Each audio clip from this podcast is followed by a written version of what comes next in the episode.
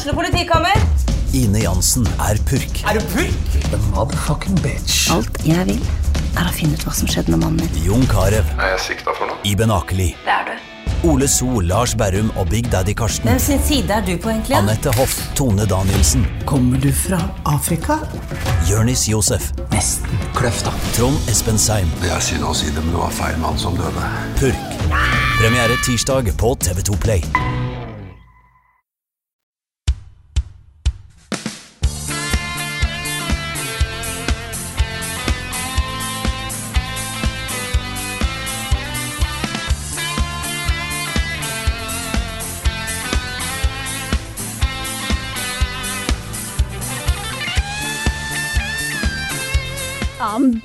Og klar for en episode som jeg tror kommer til å bli ganske nice. Episode 369, altså. Nice. Nice. Jeg er Frida Danmo. Med meg i dag har jeg Karl Martin Hogsnes og Rune Fjell Olsen.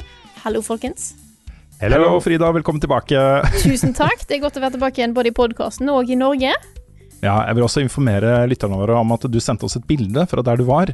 Og bak deg så var det liksom labutstyr og sånn skikkelig sånn teknisk Masse Altså, det, det sånn så ut som laben til Walter White. Ikke sant? Ja, Eh, bortsett men fra at han mer. hadde glassutstyr, og dette her var bare eh, masse metall og, og, og bly og greier. Yes. Ja. Mm. Og så var det en selfie, ikke sant? hvor du er sånn smørblid foran, og så står det bare under 'Hei, Rosa-bloggen'. Jeg har helt glemt å legge ut det bildet, men da tror jeg jeg må få lagt ut. Ja, det må vi nesten få gjort, altså. Kan vi bare legge det I dag skal vi lage virus. Ja!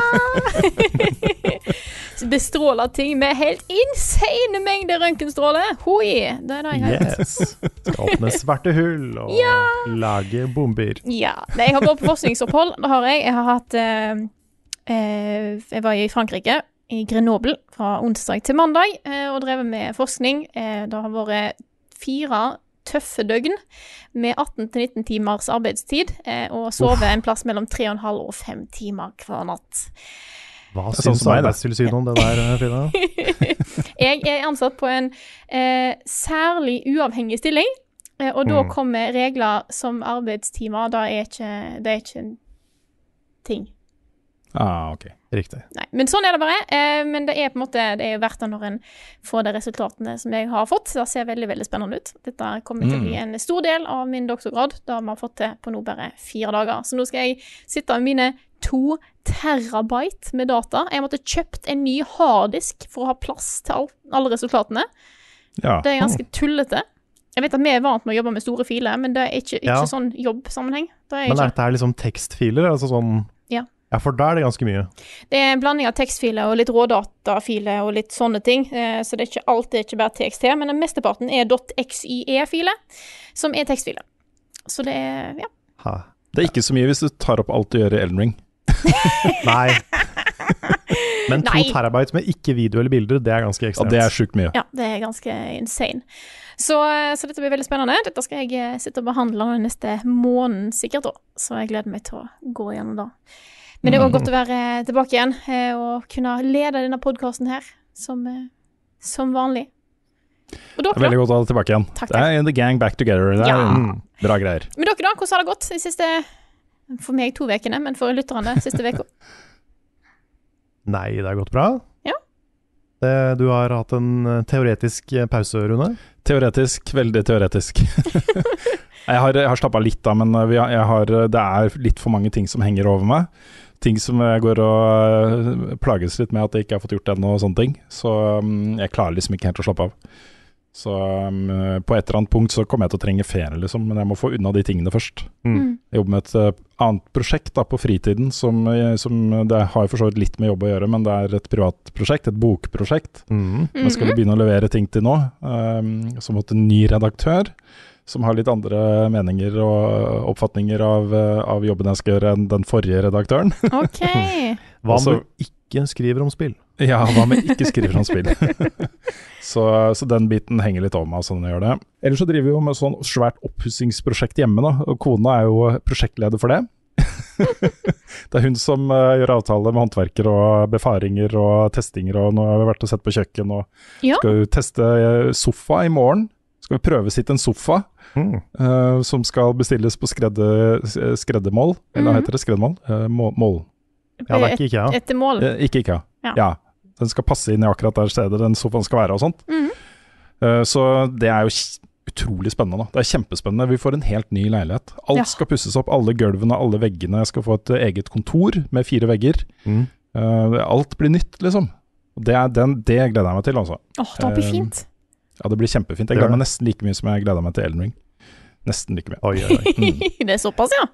Ja. Mhm. Jeg også driver jo med litt sånn innredning om dagen. Ja. Jeg har jo, eh, som noen kanskje har fått med seg, nettopp flytta. Så um, nå har jeg fått ting litt opp på veggene og sånn. Jeg har uh, hengt opp Sonic-klokka og Final Fantasy-bildene og litt ting og tang, så det begynner å bli hjemmekoselig. Jeg har fått uh, besøk av naboen et par ganger. Fordi den første gangen så fikk jeg beskjed om at uh, dørmatta, som hadde ligget der i elleve år, den hadde sånne der, eh, rester av hundebæsj på seg. Hun dukka jo opp og fortalte dette midt i innspilling av Sonic-spoilercasten vår. Ja, det er klippet bort, men det er faktisk, du kan høre det på opptaket at eh, jeg får besøk av naboen som klager over hundebæsj på Oi, oi, oi. dørmatta. Men, eh, så det var første gang jeg møtte henne. Eh, andre gang jeg møtte henne, så var det fordi klokka fem over ni så, var vi, så slo vi inn den siste spikeren. Og det var feil, da. Åh, Ok, så ja. Det her eh, det brygger opp til uh, noe greier, greier her, Karl. Carl. Eh, det gjør det. det gjør det. Så nå er jeg han pøbelen som slo inn en spiker etter klokka ni. Ja. Åh, Carl. Tenk, tenk da. Ja. Hadde ikke trodd det om deg. Nei, jeg vet, jeg skammer meg. Jeg gjør det. Så det, jeg, skal, jeg skal ikke ta med konfekt, da, men jeg skal uh, vurdere å ikke spikre noe mer på kvelden. ja, det er greit å ta hensyn. Ja da, det er det. det, er det. Eh, Jeg, skal det ikke, jeg skal ikke gjøre det igjen. Jeg, visste, jeg trodde det var klokka ti som var stillesone, men det var klokka ni, tydeligvis. Ja, altså, jeg helst ikke spikre etter seks, tenker jeg da, i et, et, eh, en, en bygård. Er det såpass? Ja. Ja, da er du A-menneske. Nei, men også Med tanke på unger Ja. og sånt, sikkert. ja, Det er utrolig plagsomt å sitte i middagen, og så driver naboen og hamrer og spikrer. Ja, men det var sånt. ikke mye hamring, ja. det var fire bilder. Ja. Ja, Det, nei, men må ja, nei, det, er, det er greit. Jeg, skal, jeg, jeg, trenger ikke, jeg trenger ikke å pusse opp på, på kveldstid, jeg gjør ikke det. Nei. Um, eh, vi må plugge et par ting. Ja, Mm. kan det jeg, ene er jo noe som Ja, kan jeg begynne med et spørsmål? ja gjør det. Ja, Gjør det. da gjør jeg det. Eh, vi har fått et spørsmål nemlig fra Jon Magnus Restad, som spør når kan vi forvente innhold fra de nye anmelderne på kanalen. Og da er ute Ja, og jepp. Det er det. vår eh, nye Early Access-korrespondent Andreas Viking Bjørkhaug. Han har eh, lagt ut både introvideo og eh, sitt første Early Access-magasin, Ekspedisjon Early Access, om Dune Spice Wars. Det ligger på kanalen vår, og kan være han dukker opp litt senere i podkasten. Kanskje det. Kanskje da? Ja, nei, han eh, kommer eh, Han dukker opp mot slutten av podkasten. Mhm. vi har en liten samtale om hvem, hvem Andreas er, uh, rett og slett. Introdusere han for, for lytterne våre også. Mm -hmm. uh, han skal jo primært lage innhold til YouTube-kanalen vår, dette magasinet. Eh, og dette er jo et stort hull vi har hatt, da, for det skjer så mye gøy på Early Access. Eh, og vi har liksom det er, det er litt sånn gråsone for oss, fordi vi kan jo ikke anmelde det og gi det en score, liksom. Da blir det ofte til at vi prioriterer ting vi kan anmelde og gi en score. Men så skjer det så mye spennende på Early Access. Uh, mange av de største suksessene de siste årene, inkludert liksom Valheim og The Raft og masse bra, da. Boulderskate 3 osv. har skjedd der, liksom. Mhm. Så, mm, så det er utrolig fint at vi får eh, på plass den der. Og han, den første spalten hans var kjempegod. Ja. Mm. Absolutt. Veldig, veldig Så fin ch- check a look. Mm. Check a look. Og så vil jeg òg ta opp en ny ting, bare sånn det er sagt. Vi har en eh, Vi har jo en ny, des, nytt design i spreadshoppen vår. Eh, vi har jo laget T-skjorter basert på det smaleste av designideer vi har hatt for veldig lenge. Dette er jo da for, eh, for Papa K, karakteren som dukka opp under Monopol-streamen vi hadde på Komplett sitt Mm. online-event. Hvis mm. det er noen som er interessert i den T-skjorta, så ligger den tilgjengelig på levelupnorge.myspreadshop.no. Den ideen er så smal at vi så langt ikke har solgt noen T-skjorter av han, men Nei, vi har ikke Vi har ikke, vi har ikke, push, vi har ikke pusha han heller. Nei, jeg pusha han litt, grann, har jeg, men ikke sånn kjempemye. Okay, okay. Så derfor tenkte jeg skal reklamere for han her. Det er Ja. fordelen med Spreadshop, at vi kan måtte legge ut design, og så kan de gå så bra og dårlig de vil. Eh, Sant? Så jeg syns det var litt eh, Syns Ja, den da- egentlig er litt festlig, jeg må, må Da kan du være en av de ekstremt få i hele verden som har en så smal T-skjorte. Yes. Mm, det er helt sant. Mm, og du det. har fortsatt Blir ikke mer internt. Nei, Nei. og du har fortsatt mulighet til å være den første å kjøpe den, så vet du det. Mm. Fordi jeg har ikke lyst Fordi liksom jeg, jeg kunne kjøpt den, men det blir så rart hvis jeg har den. Ja, for det er deg. Ja. Jeg har ikke lyst til, jeg har ikke lyst til å ha liksom en T-skjorte med Papa K, det blir veldig rart. Nei. Jeg har vurdert å kjøpe den, jeg òg. Jeg må bare eh, finne ut For du kan jo velge farge og sånt, så jeg driver og prøver å finne ut hva Mhm. farge jeg skal ha den i. Mm. Mhm. Og Yes. så må vi plugge en, eh, en siste ting, og det er jo eh, kanskje siste gang vi plugger det. Mhm. Um, 20. mai, 25 år siden jeg skrev min første anmeldelse. Uh, vi har planlagt et stort show på Eldorado, med Carl som uh, litt sånn talkshow-vert, på en måte. På en måte. Her ja. er ditt liv, Rune. Mm. Tipp ting. Ja. Eh, dette er jo ment som en, bare en hyggelig markering, da, uh, først og fremst. Ikke noe sånn uh, Ja, blir, jeg, jeg tror det blir bra show, altså, men det er jo veldig sånn, egosentrisk. Da kan jeg informere om at det ikke er solgt så mange billetter til det showet. Så hvis du har lyst til å dra, så anbefaler jeg å kjøpe billett helst i dag. For hvis ikke vi selger noe særlig flere billetter, så tror jeg vi nok vi velger å avlyse showet og heller ta en stream. Og det er helt greit, det også. Jeg kommer ikke til å begynne å gråte og tenke at ingen er glad i meg og sånne ting.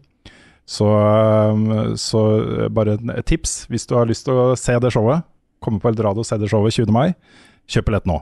Vi tar en beslutning på det på mandag, tenker jeg. Fordi det er ikke noe vits å Det er så mange folk som skal i sving ikke sant, på Eldorado. Mm. Eh, og hvis ikke de tjener penger på det, så Vi trenger ikke å tjene penger på det. Det er greit, liksom. Men hvis heller ikke Eldorado gjør det, og det er en ikke halvfull sal engang, eh, det er en ganske stor sal dette her. Da blir vi litt sånn gjeldsslave til Eldorado. Ja, ikke sant? Mm. Nei, det gjør vi heller ikke, da. uh, men dette skal jo livestreames, uh, så de må ha folk på det. De må ha folk på lyd og lys og bildemiks. Uh, folk må stå i baren. Eh, så det er en stor produksjon da, for Eldorado. Eh, og da bør det nok være inntekter til det. Så vi skal ta en beslutning på det på mandag, tenker jeg. Men eh, jeg håper det blir noe av, det hadde vært veldig gøy. Eh, og hvis det ikke blir noe av, så skal jeg gå og se Everything Hva heter den? Everything Everywhere All at once. Ja, for den har premiere den samme dagen. Ah. Så, eh, så det blir en hyggelig kveld uansett, men ekstra hyggelig da, hvis det blir på Eldorado. Mm. Så mm, ja, ticketmaster.no. Hva har du sa rett før vi begynte nå at du har spilt masse, så nå er jeg veldig spent på å høre hva har. du har spilt. Ja, jeg, jeg har bare lyst til å nevne først at jeg gjør en sånn strength eh, playthrough i eh, Elden Ring nå. Med, Det jeg òg. de største sverdene, Mm. og de beste, beste incantations og sånt for det da. Uh, weapon arts og sånne ting, og det er så gøy! det er så gøy. Snakker vi Ja, berserksverdet, liksom? Ja, og så eh, først da så er det det som bare heter Great Sword. Mhm. Det er det jeg har uh, spilt gjennom hele. Men nå tipsa Svendsen meg om et annet som heter uh, Watch, Watchdogs Great Sword, tror jeg det heter. Uh, som du kan farme da i, i Land of the Giants, en av kategommene der. som er et sånn colossal sword med S-scaling i strength. Oi. Så, ja. Så, men eh, nok om det. Anbefaler å følge med på de streamene som, eh, som Svendsen gjør. Han kjører også strength-bill nå, eh, Mm. level 1. Han skal runde hele Elden Ring som level 1. Ja, jeg Den- får ikke helt strength-bill til å funke, altså, for jeg gjør det samme nå. Og jeg bruker det der i Game of Thrones-verdet foreløpig. Ja. Men det, det er for treigt, altså. Jeg sliter litt med å få kontroll på det. Ja, bruk riktig incantations og weapon arts, så blir det mye, mye mer overkommelig. Mm. Men ok. Det eh, andre jeg har spilt, for jeg har spilt masse som, som jeg nevnte eh, Jeg har lyst til å starte med et spill som heter Skabma. Skabma, Skabma som er lagd av et finsk eh, lite indie-studio. Hva betyr skabma? Du, Det er jeg faktisk ikke helt sikker på. Det er samisk. Og ja. dette er jo eh, Å ja, det da, ja. Sier de, da, og jeg tror de, for jeg har ikke funnet noe annet, det første sånn helsamiske eh, dataspillet. Hvor, eh, hvor du styrer da en eh, Også hovedpersonen er en liten Jeg tror det er en liten gutt. De, de eh, er veldig sånn forsiktige med å angi kjønn, utviklerne selv. Men det er et guttenavn, da. Ailu. Ailu heter hovedpersonen. Um, så, så det er en hen, for, uh, sier de, da. Men uh, jeg tror det er en gutt. Uh, som eh, eh, vokser opp da i en sånn liten samisk landsby hos onkelen sin. Og dette er jo et spill som tar utgangspunkt i samiske eh, legender og sagn og historier som de forteller hverandre rundt bålet og, og sånne ting, og la, har lagd et dataspill om det. Eh, dette, det er mye sånn derre eh, kontakt med naturen og natur. eh, eh, og eh, den type ting. hvor da Ailu blir en sånn går med en sånn tromme og en sånn reinsdyrhorn som, som slag på tromma, og kaller opp liksom magiske ting, da. Det er en veldig sånn magisk eh, En litt sånn Selda, eh, men litt samisk. um, spillet er dessverre ikke sånn megabra, men jeg syns det er et utrolig flott spill, også et viktig spill.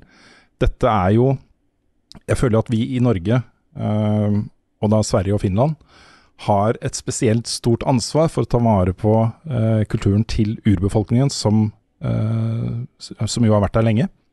Eh, dette er jo deres, deres land. Eh, og det, det at det blir lagd et spill om det, tror jeg er utrolig bra. Også. Dette er et sånt spill som kunne gått rett inn i skoleverket, f.eks. For, for å lære da uh, barn og unge om eh, samisk kultur. Fordi det er det dette er.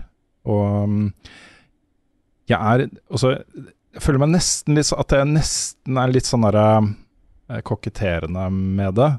Men jeg er jo en sekstendedel same selv også. Har du tatt sånn DNA-test? Ja, eller jeg har ikke gjort det, da. Men, øh, men øh, på øh, faren min sin side så har de drevet med slektsforskning. Og det var jo sånn i Nord-Norge at veldig mange samer skiftet jo navn til sånn Hansen og Olsen og Nilsen og, og sånt, og skulle bli norske. da. Mm. Eh, utrolig mye rasisme og dårlig behandling. Um, så fant de ut, da, eh, noen ledd bak, at ja, de var samer, og de skiftet navn. Så um, faren min er da en åttendels, og da blir jo det, jeg da en sekstendels. Så det betyr jo at hvis jeg hadde fått samisk eh, oppvekst, eh, lært samisk, fått opplæring i samisk kultur, så kunne jeg ha registrert meg selv som same. Det har jeg da ikke fått. Så jeg tror det er en sekstendels som er liksom siste leddet, da, som det er mulig å gjøre det. Ha. Ok, Så du kan gjøre det, men barna dine kan ikke? Nettopp. Ha. Det er sånn jeg har forstått det, da. Det, dette har jeg ikke full oversikt over, og jeg føler meg jo ikke samisk, liksom, men jeg syns jo det er kjempeviktig. Og det samme gjelder jo urbefolkninger over hele verden.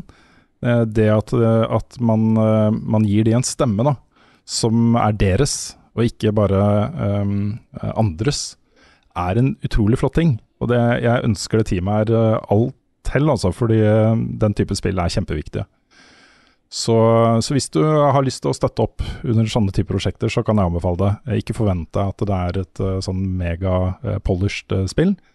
Det er litt sånn eh, litt clunky, men eh, fullt spillbart.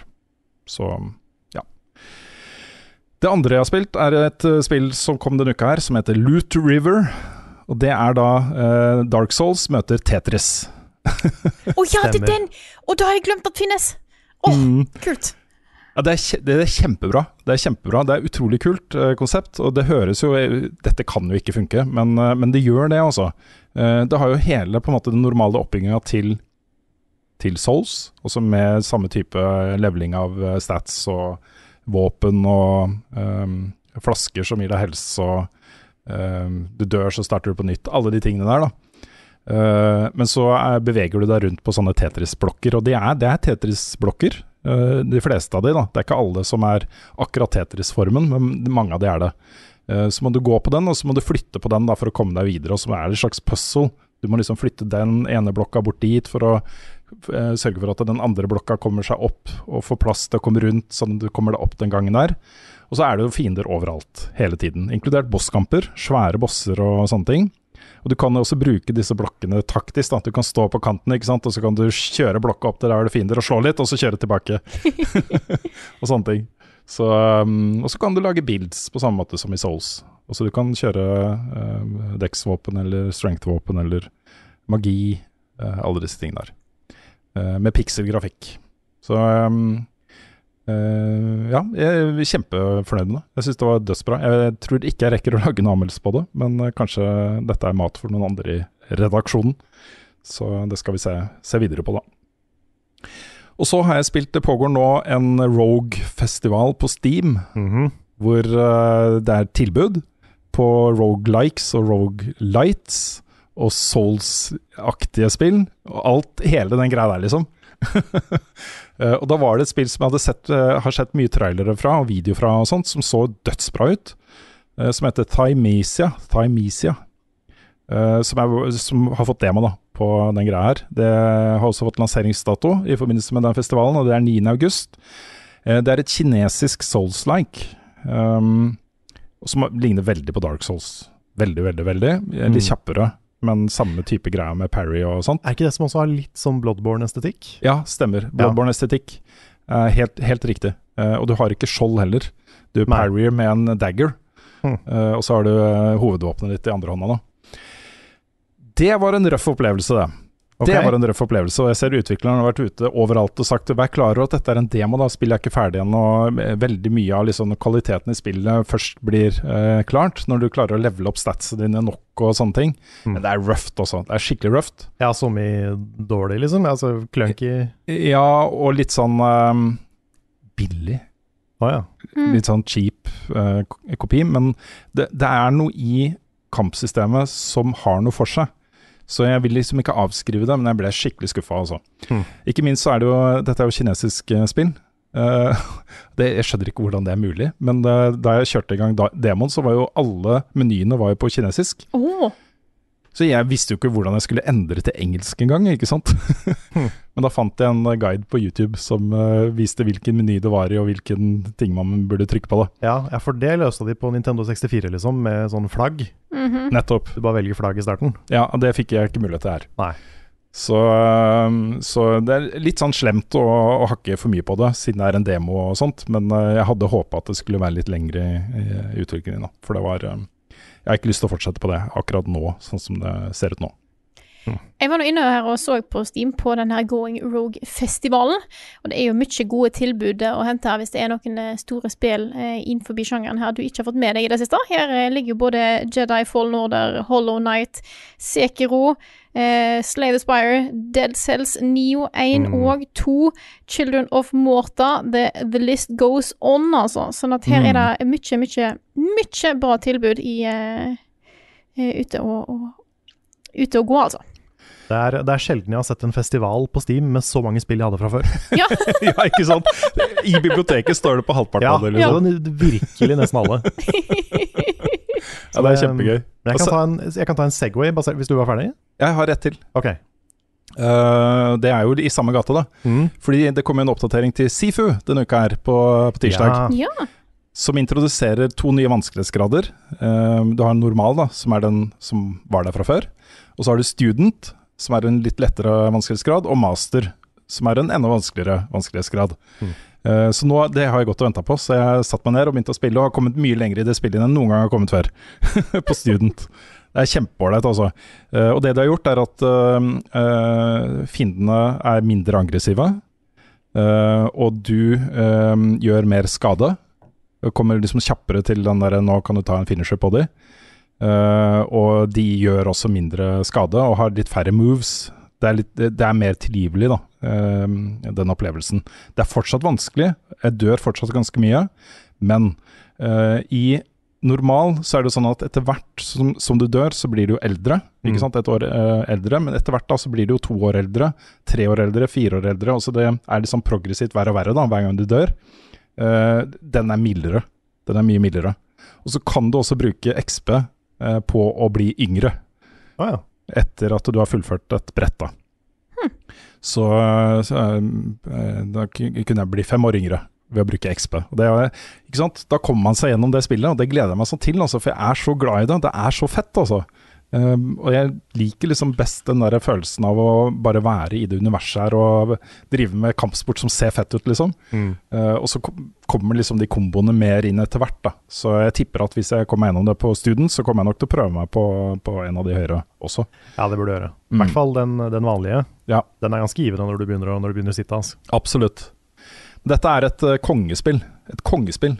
Eh, jeg er kjempeglad i det. Så hvis du har sittet på gjerdet, så anbefaler jeg å ta en titt på det nå. Absolutt. Et av de beste spillene som har kommet i år. Å ja.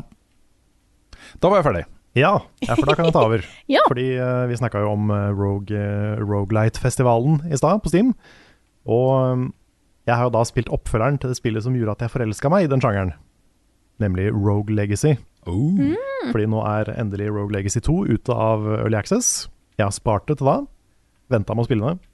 Eh, men det første er jeg kjempeglad i. Det var det første sånn type spill jeg spilte. Det, jeg spilte det før jeg testa Binding of Isaac, før Hades, før uh, Sifu, alle disse andre. Um, og det har en sånn mekanikk med at uh, hver gang du dør, så tar på en måte arvingen din over. Så du, har, du kan velge mellom tre barn, som er barnet til forrige hovedperson, som da blir den nye hovedpersonen. Og gå inn i dette random slottet for å ta ut noen bosser og redde, redde dagen. Uh, oppføreren er akkurat det samme på det. Det er en litt ny visuell stil, som jeg ikke var helt sikker på hva jeg syntes om i starten, men nå liker jeg den veldig godt. De går fra litt sånn pixel art til litt mer sånn håndtegna, eh, nesten sånn flash-animert stil. Og jeg syns det funker veldig bra fordi animasjonene er så fine. Det gjør at det på en måte At det funker og at det er kult, da. Så spillet ser veldig bra ut. Og det er utrolig sånn smooth og veldig sånn tight å styre. Litt på samme måte som Dead Cells, at det, det er så responsivt. At uh, når du hopper, så hopper du med en gang. Og du, når du slår, så slår du med en gang. Det er sånn instant animasjoner hele veien. Som gjør at det føles veldig bra å spille det. Og det er vanskelig sånn intenst vanskelig, til og med. Uh, selv om jeg hadde en del sånn overførbar skill fra det første spillet, fordi fysikken er ganske lik, så er det mye å venne seg til.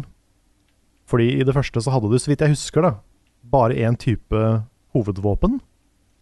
Du hadde det svære sverdet uansett hvem du var, på en måte. Men her så har alle klassene hvert sitt våpen. Så du har liksom istedenfor sverd, så kan du ha et spyd hvis du er en Valkyrie. Eller du kan ha uh, en stekepanne hvis du er sjef. Du får liksom gradvis mer og mer spesielle våpen. da. Du kan være en bokser, så du kan slå med hendene. Hm. Um, I tillegg så har du en magic, som er random. Hvilken magic spell du starter med. Og en special ability, som eh, er knytta til uh, klassen du velger. Så uh, Knights har skjold. Barbarians har sånt brøl som fryser fiender. Og, og, det er veldig, veldig likt Rogue Legacy 1. Uh, eh, med at du har en sånn tilfeldig generert dungeon med forskjellige biomes, som blir gradvis vanskeligere jo lenger ut i slottet du kommer. Med en boss i midten, og en del sånne challenge rooms og uh, skattkister du kan åpne for å gjøre det lettere i fremtidige runs. Du kan oppgradere heimen din for å få litt sånn mer helse, mer våpen, mer alt mulig greier. Du kan finne equipment. Alt mulig som du får på en måte uh, mer uh, bruk for neste run. da. Så litt sånn som Hades, at du føler alltid at du får progresjon, selv om det er vanskelig og du dør mye. Så akkurat nå så har jeg tatt én boss uh, i første biome. Kommet til den andre, men ikke tatt den ennå. Mm. Så Og jeg har spilt ganske lenge. Jeg tror jeg har dødd i hvert fall sånn 11-12 ganger, hvis ikke mer. Mm. Så dette er en en, en chunky opplevelse med, med, en god utfordring. Jeg merker at det går litt trått noen ganger, fordi det er så, det er, det er så veldig vanskelig i starten. Første boss er ganske tøff, men uh, nå begynner det liksom å løsne litt. Og Det som er nytt her også, er at du får litt sånne Metroidvania-type eh, movement abilities som du kan finne rundt på, på kartet. Og det var det heller ikke noe særlig av i første spillet. Så du kan jo Uh, altså, dash i lufta er noe du må unlocke. Det er ikke noe du har fra starten. Da. Og i tillegg så har jeg hørt rykter om et double jump og sånne ting. Ja. Som du kan få etter hvert, da. Men det har jeg ikke fått ennå. Men det er ikke permanente upgrades, da? Det er... Jo, det er det. Oh, ja, okay. Så de, de, beholder du. Ja, Det er kult. Mm. Så det er en del sånne ting du, du, får etter hvert som gjør neste run bedre, da. Mm. Og det, det er litt avhengig av det spillet her, fordi hvis ikke så hadde det vært for tøft. Jeg er helt enig, og det er jo samme med Sifo også, hvor du uh, kan jo kjøpe uh, upgrades underveis mm. med XP. Mm. Uh, og hvis du kjøper fem av de, så blir de permanente. Yes. Det betyr jo at man liksom gradvis, da, hvis du sliter, liksom, så vil du gradvis komme til et punkt hvor du har en del attacks og sånt som er litt OP, og få en mye lettere vei gjennom. Mm. Og det jeg syns ofte de beste Rogue Light-spillene, for dette er en Rogue Light-ting, uh, det er de som får til den pro progresjonen veldig bra. Mm. Hades er jo helt uh, fantastisk på det. Ja, Returnal også. Returnal, Men Returnal har ganske lite av det. Ja, altså du har uh, Alle våpen har jo, har jo traits mm. som du kan unlocke permanent. Og Stemmer. det har ganske mye å si, altså. Når du f.eks. den der portal gun til, uh, til Hollow Seeker, mm. når du har upgrada den og får en sånn som er ferdig oppgradert, så kan du liksom pløye gjennom Det er sant. Men du kan jo også runde Returnal på første run, Ja da. som noen som sitter her har gjort. Rune har gjort det. Ja. Uh, men, uh, men i Rogue Legacy så er det ikke helt sånn. da. For du Nei. starter med veldig lite HP, veldig lite attack power. Du Mm. kan sikkert, hvis du er en god gamer, så kan du sikkert runde det på første hvis du, hvis du vet ekstremt godt hva du gjør. Da må Mm. du ha sånn GDQ-skills, liksom. Ja. Um, men spillet er bygd for at man skal uh, bruke en del liv på det, da. Mm. Og upgrade og utvikle deg underveis. Kan jeg Så litt, litt sånn som Hades. Ja. Og angående litt sånn som Hades, vi har nemlig fått inn et spørsmål Okay. eh, fra Stian Eriksen, som skriver Var litt skeptisk til om jeg likte spill som Hades, altså Rogue Lights, men det tok jeg virkelig feil. For et fantastisk spill. Har dere noe lignende spill dere kan anbefale?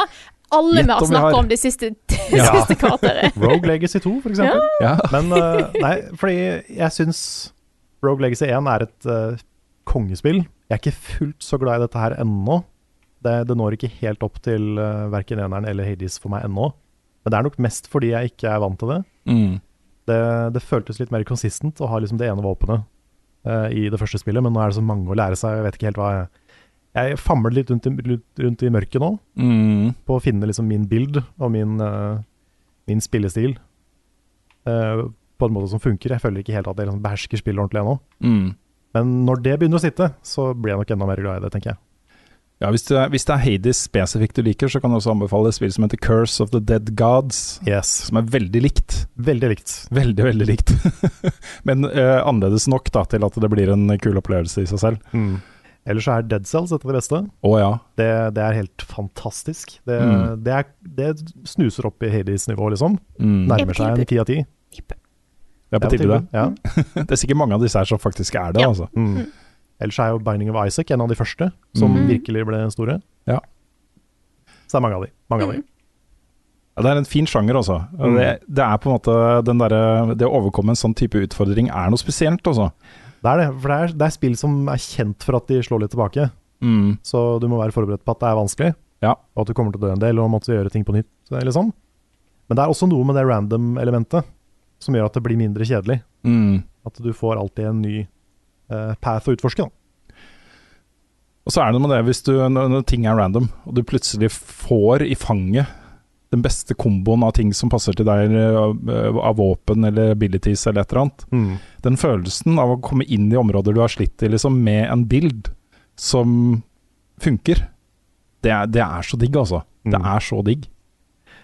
Og så er det noe med den der oh my god-opplevelsen av å finne en, et dritkult våpen for første gang. Mm. Jeg fant, jeg husker ikke hva den heter, men det er en sånn hammer i Rogue Legacy 2 som bare, istedenfor at det er ett attack, så bare trykker du på angrepsknappen, og så blir du en sånn spinnende ball Oi. som bare, som bare ruller rundt med en hammer. Oi. Og du gjør ikke noe uh, posture, altså noe poise damage, så fiender blir ikke, de blir ikke knocka tilbake, liksom. Men du angriper de jo mange ganger i sekundet. Så du blir jo sånn sagblad av en figur, uh, og det er kjempegøy. Kult. Så eh, da må du også spille på en helt annen måte. Mm. Men det er en kul twist på det systemet, da. Mm. Så de har en del sånne morsomme nye våpen. Så det er gøy. Så uh, koser meg veldig foreløpig. Må bli litt bedre i det, men uh, det, er, det er gøy. Det er kjempebra.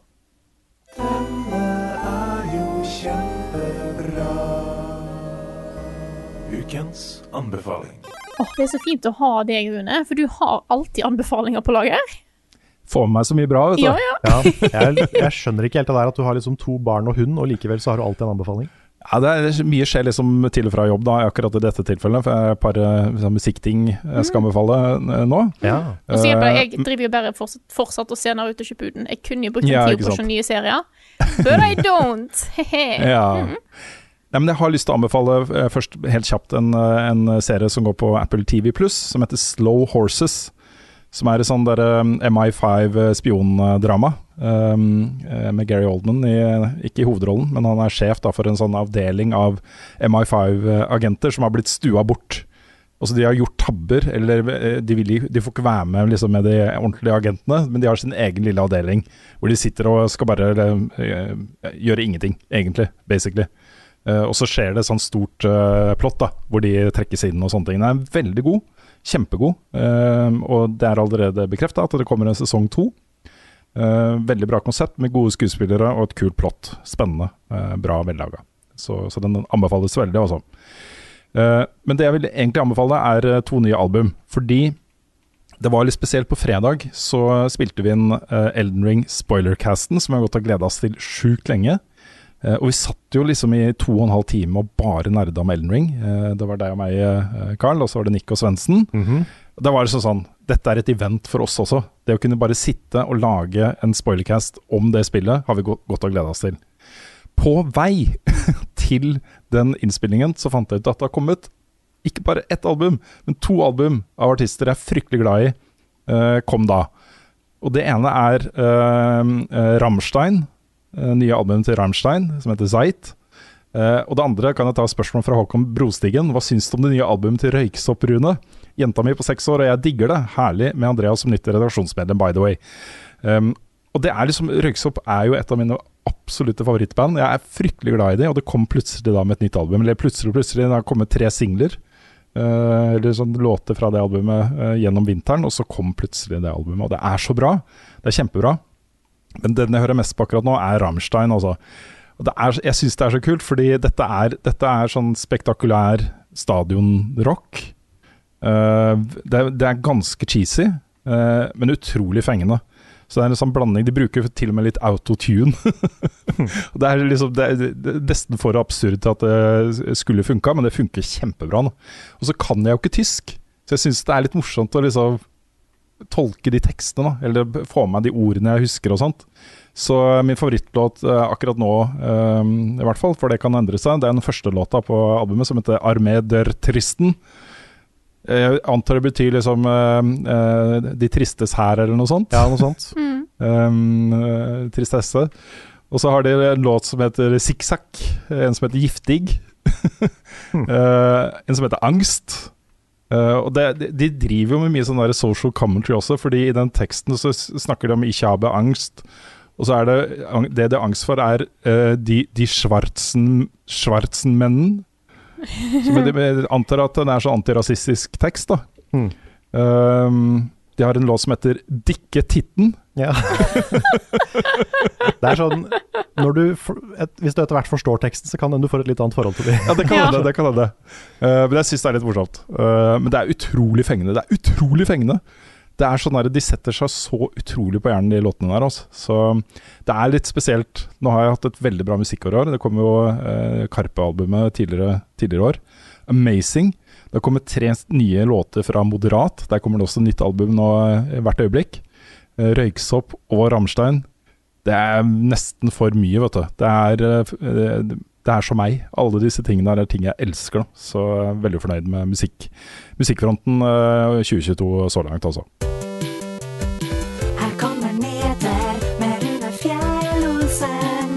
Han har ikke hår. Vi starter i eh, Japan og Sverige, for nå har nemlig Square Enix solgt unna alle sine vestlige merkevarer til den svenske spillgruppa Embracer Group.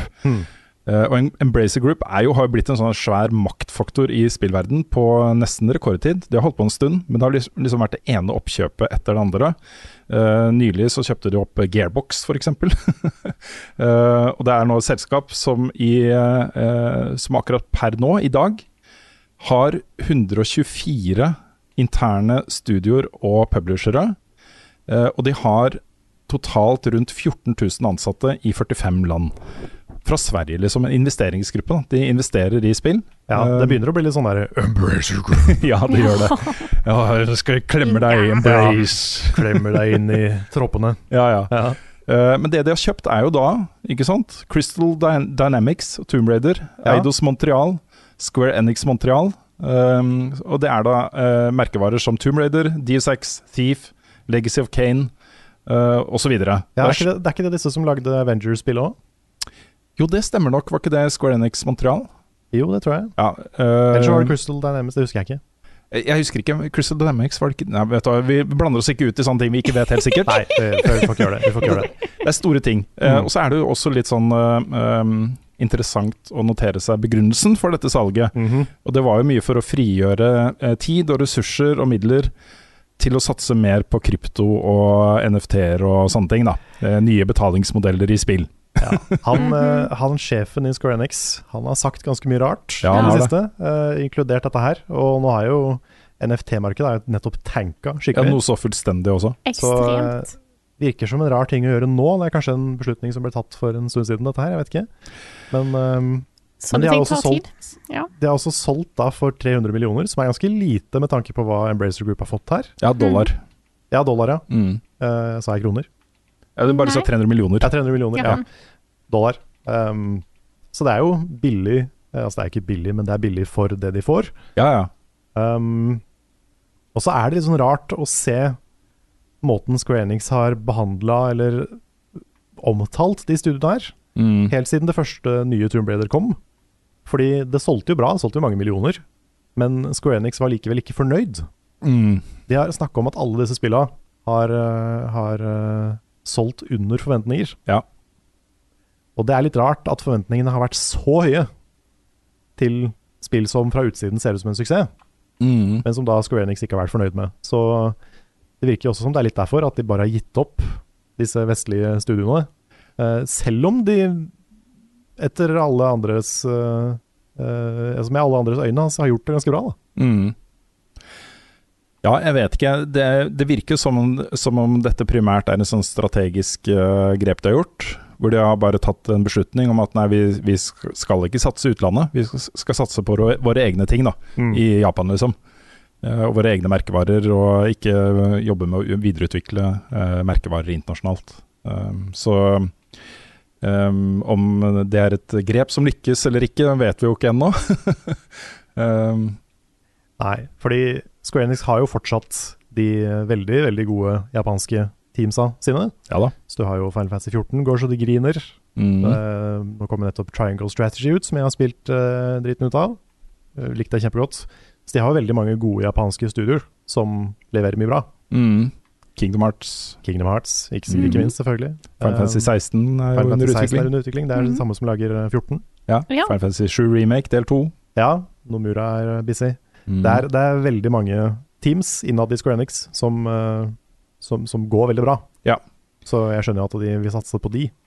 Så jeg håper jo da at de fortsetter å satse på de, og ikke bare jager nye internettfenomener som, som, som kan være tvilsomme for mange. Ja. Mm.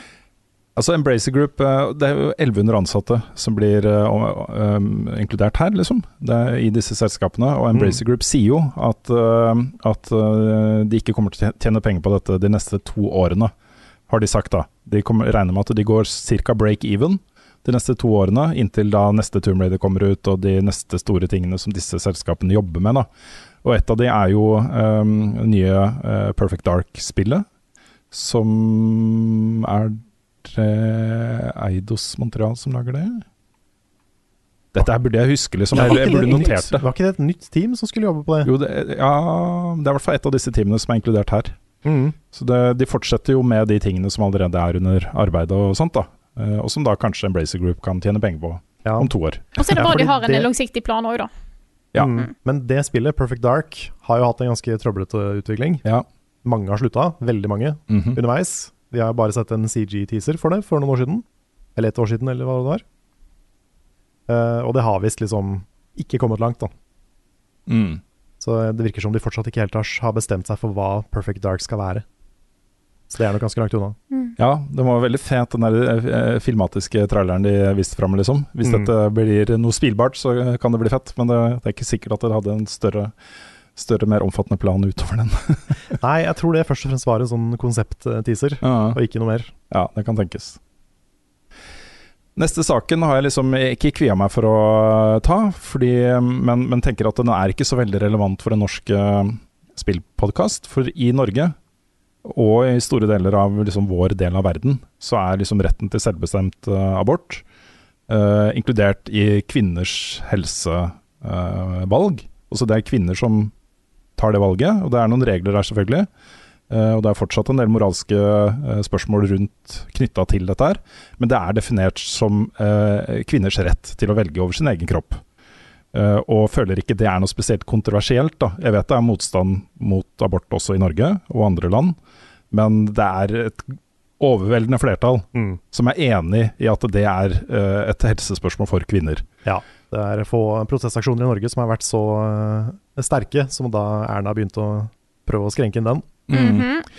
Men i USA er jo ting litt annerledes. Uh, og grunnen til at jeg tar det opp, er jo at uh, um, som egentlig det eneste selskapet jeg har sett, um, det er sikkert flere som har uh, knytta seg til det. Bungie var ute på Twitter for å kommentere lekkasjen av den nye høyesterettsdommen som er på vei, da, tydeligvis, Mm.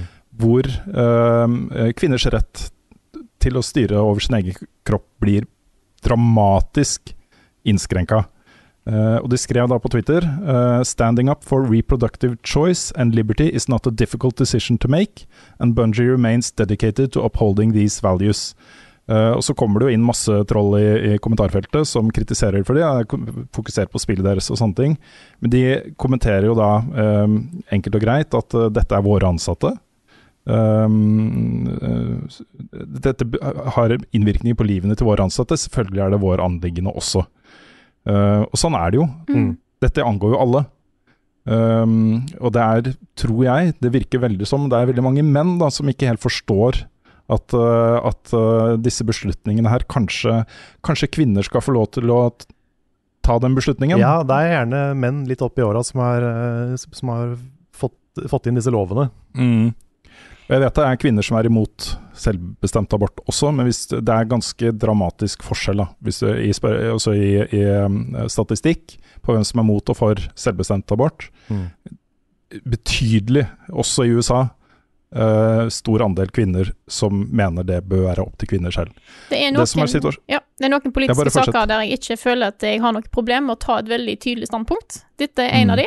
Eh, La folk få velge sjøl, så kan de som ikke er for abort, velge å ikke ta abort. Eh, Mm. Så enkelt er det.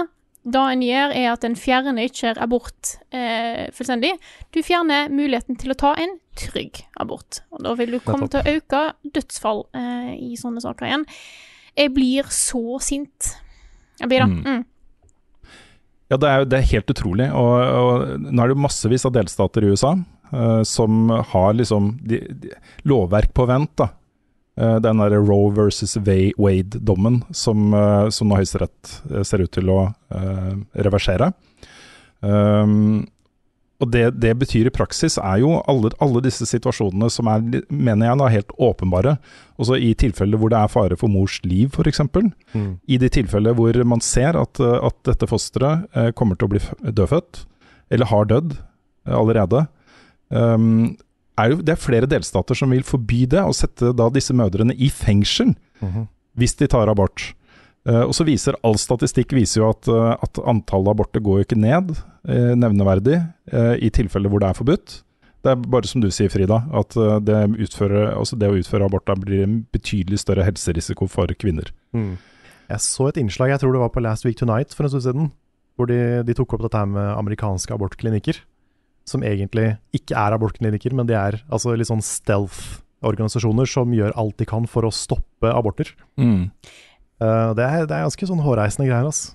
Men jeg Mm, det er det bra er- at Bungie tar et så tydelig standpunkt her, fordi at dette er helt klart en ting som ikke påvirker eh, Det påvirker så mange at det òg går utover spillindustrien. Sånn Ja, er det bare. selvsagt gjør det det. Mm. Og det, det er Mm. grunnen til at jeg tar det opp her, er det, da. Mm. At uh, disse, disse temaene her berører oss alle. uh, og um, jeg syns det er uh, veldig ålreit å se at også spillselskaper uh, blir med i den debatten her. Mm. Det er bra at de som har en plattform, bruker den plattformen til, eh, til positive ting. Ja. Mm. Til, til å gjøre en endring i samfunnet, hvis de kan. Mm. Men heldigvis da så er, er det, dette føler jeg da Det er jo glidninger i samfunnet og sånne ting, men jeg føler det i hvert fall er en etablert del av norsk praksis, norsk lovverk, Mm. at, uh, at dette ikke er så kontroversielt her, da. Vi uh, fikk jo ikke noe E3 i år heller. Eller vil si, det var vel E3 i fjor, men bare digitalt. Men i Mm. år er det jo ikke E3 i det hele tatt. Uh, men det blir pressekonferanser. Uh, og det blir liksom E3-pressekonferanser på mm. også samme tidspunkt. Det gjør det. Så det blir jo, for oss blir det jo nesten uh, som vanlig. Ja, fordi da uh, søndag 12. juni klokka 19.00 norsk tid, så er det den jeg er mest spent på, egentlig. Xbox pluss Betesta. Og dette er jo Altså, det, det er jo så mange av de tingene som de jobber med, som vi ikke har fått dato på. Vi vet ikke når det kommer. Kanskje har de noen eh, De har kjøpt opp så mange selskaper, ikke sant. Kanskje Mm. det er noe nytt på vei som ikke vi vet om ennå. Og Så, videre. så det, dette kommer til å bli en fet pressekonferanse. Mm. Eh, så sett av tid. Vi kommer til å dekke den på et eller annet vis. Eh, enten med en stream eller med liveshow eller et eller annet. Eh, og det, det blir som etere, altså. Vi skal kaste penner, og Of kanskje course. det til og med kommer en ny pennelekvideo fra Carl. Ja, vi får se. Jeg har, ikke, jeg har ikke begynt å workshoppe en ny versjon, Nei, så det kan være at det blir samme som i fjor. ja, ok. Det er greit nok, det òg, nå. Ja. Så, ja. Men, uh, men det blir liksom Det er den vi vet om nå, og så venter vi bare på datoer på alle de andre. Så jeg jeg håper at det blir litt samla, da.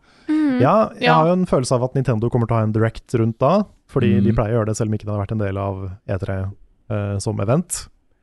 Og Summer Game Fest var jo rett før E3 i Mhm. fjor, så jeg håper jo Keeley uh, smeller til med en konferanse han òg. Ja. Så får vi se om uh, de andre, om Ubisoft Square Enix, om de kommer til å kjøre noe. Mm. Det vet vi ikke ennå. Jeg er veldig spent i hvert fall. Gleder Mm. meg utrolig mye. Eh, og så skal vi da over til eh, neste spalte, og da skal eh, dere få møte en, eh, et nytt ansikt, en ny person i Level Up-universet. Uh, hva kommer egentlig nå? Jeg har ikke peiling. Hva kommer nå? Nå har vi endelig kommet til den dagen der vi kan vise fram den første av de nye tilskuddene til redaksjonen vår. Dere har kanskje allerede sett videoene som har dukket opp på YouTube. Der ligger det nemlig en introduksjonsvideo og en ny Early Access-spalte. For den nye Early Access-personen vår, da er Andreas Viking Bjørkhaug. Velkommen til oss. Takk skal du ha. Takk, takk. Veldig hyggelig. å- Ja, hvordan var det, Andreas? Å få liksom første videoen ut. Var du, var du stressa, liksom? Før publisering? Eh, Ja, både òg. Jeg var stressa i klippeprosessen, for jeg var litt sånn Jeg var veldig usikker på eh, hva jeg skulle gjøre med videoen. Så jeg har testa veldig mye fram og tilbake og brukt egentlig ganske mange timer på å eksperimentere med forskjellige ting. Men så fort videoen var ferdig, så følte jeg at, uh, følte at det var solid, liksom. Så jeg var ikke så veldig stressa når, når den ble publisert. Jeg var mer stressa under eh, klippeprosessen. Så ble det jo veldig veldig bra også, og dette som du eh, skal lage for oss, er da et nytt magasin som heter Ekspedisjon Early Access. Jeg likte navnet veldig godt. Ja, det, er, det, det er ditt navn, du fant på det. Mm. Du skal da dekke liksom eh, eh, Hva skal man si ukjent uh, farvann på Steam og sånne ting. Også Early Access. Tidlig tilgang til spill som ikke er ferdig ennå. Mm. Eh, og litt av grunnen til at vi ville ha det, vi utlyste jo det spesifikt, det er jo at der skjer det altså så mye spennende uh, om dagen. Og mange av de aller største hitene, liksom, ting som folk spiller og snakker om og sånt, skjer der. Og vi har gått glipp av altfor mange av de. Det er liksom så dust å komme to måneder etter eh, Valheim har solgt liksom ti millioner eksemplarer og, og sånt, så det er det vi prøver på nå, da. Og det første spillet du tok, var jo Dune, Spice Wars. Mm. Ikke så verst med tanke på at det er jo et norsk utgitt spill også. Mm. Um, hva syns du om å kaste deg ut i Early Access-spill? Nei, jeg syns det er veldig moro. Jeg, jeg har jo eh, en fortid med å teste veldig mye MMO-er i beta. Jeg hadde, en, eh, hadde noen år hvor jeg var skikkelig MMO-frelst, så jeg og eh, vennene mine vi hoppa på alle nye MMO-er. så jeg har ganske mye erfaring da, med å teste uferdige spill, og det syns det er veldig gøy å bare ikke vite hva man møter for noe, rett og slett. Så det Mm. gleder jeg meg. Jeg gleder meg veldig til å fortsette med det, altså.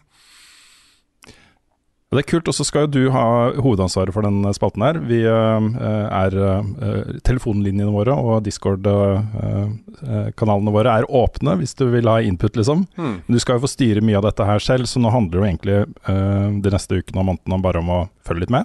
Ja.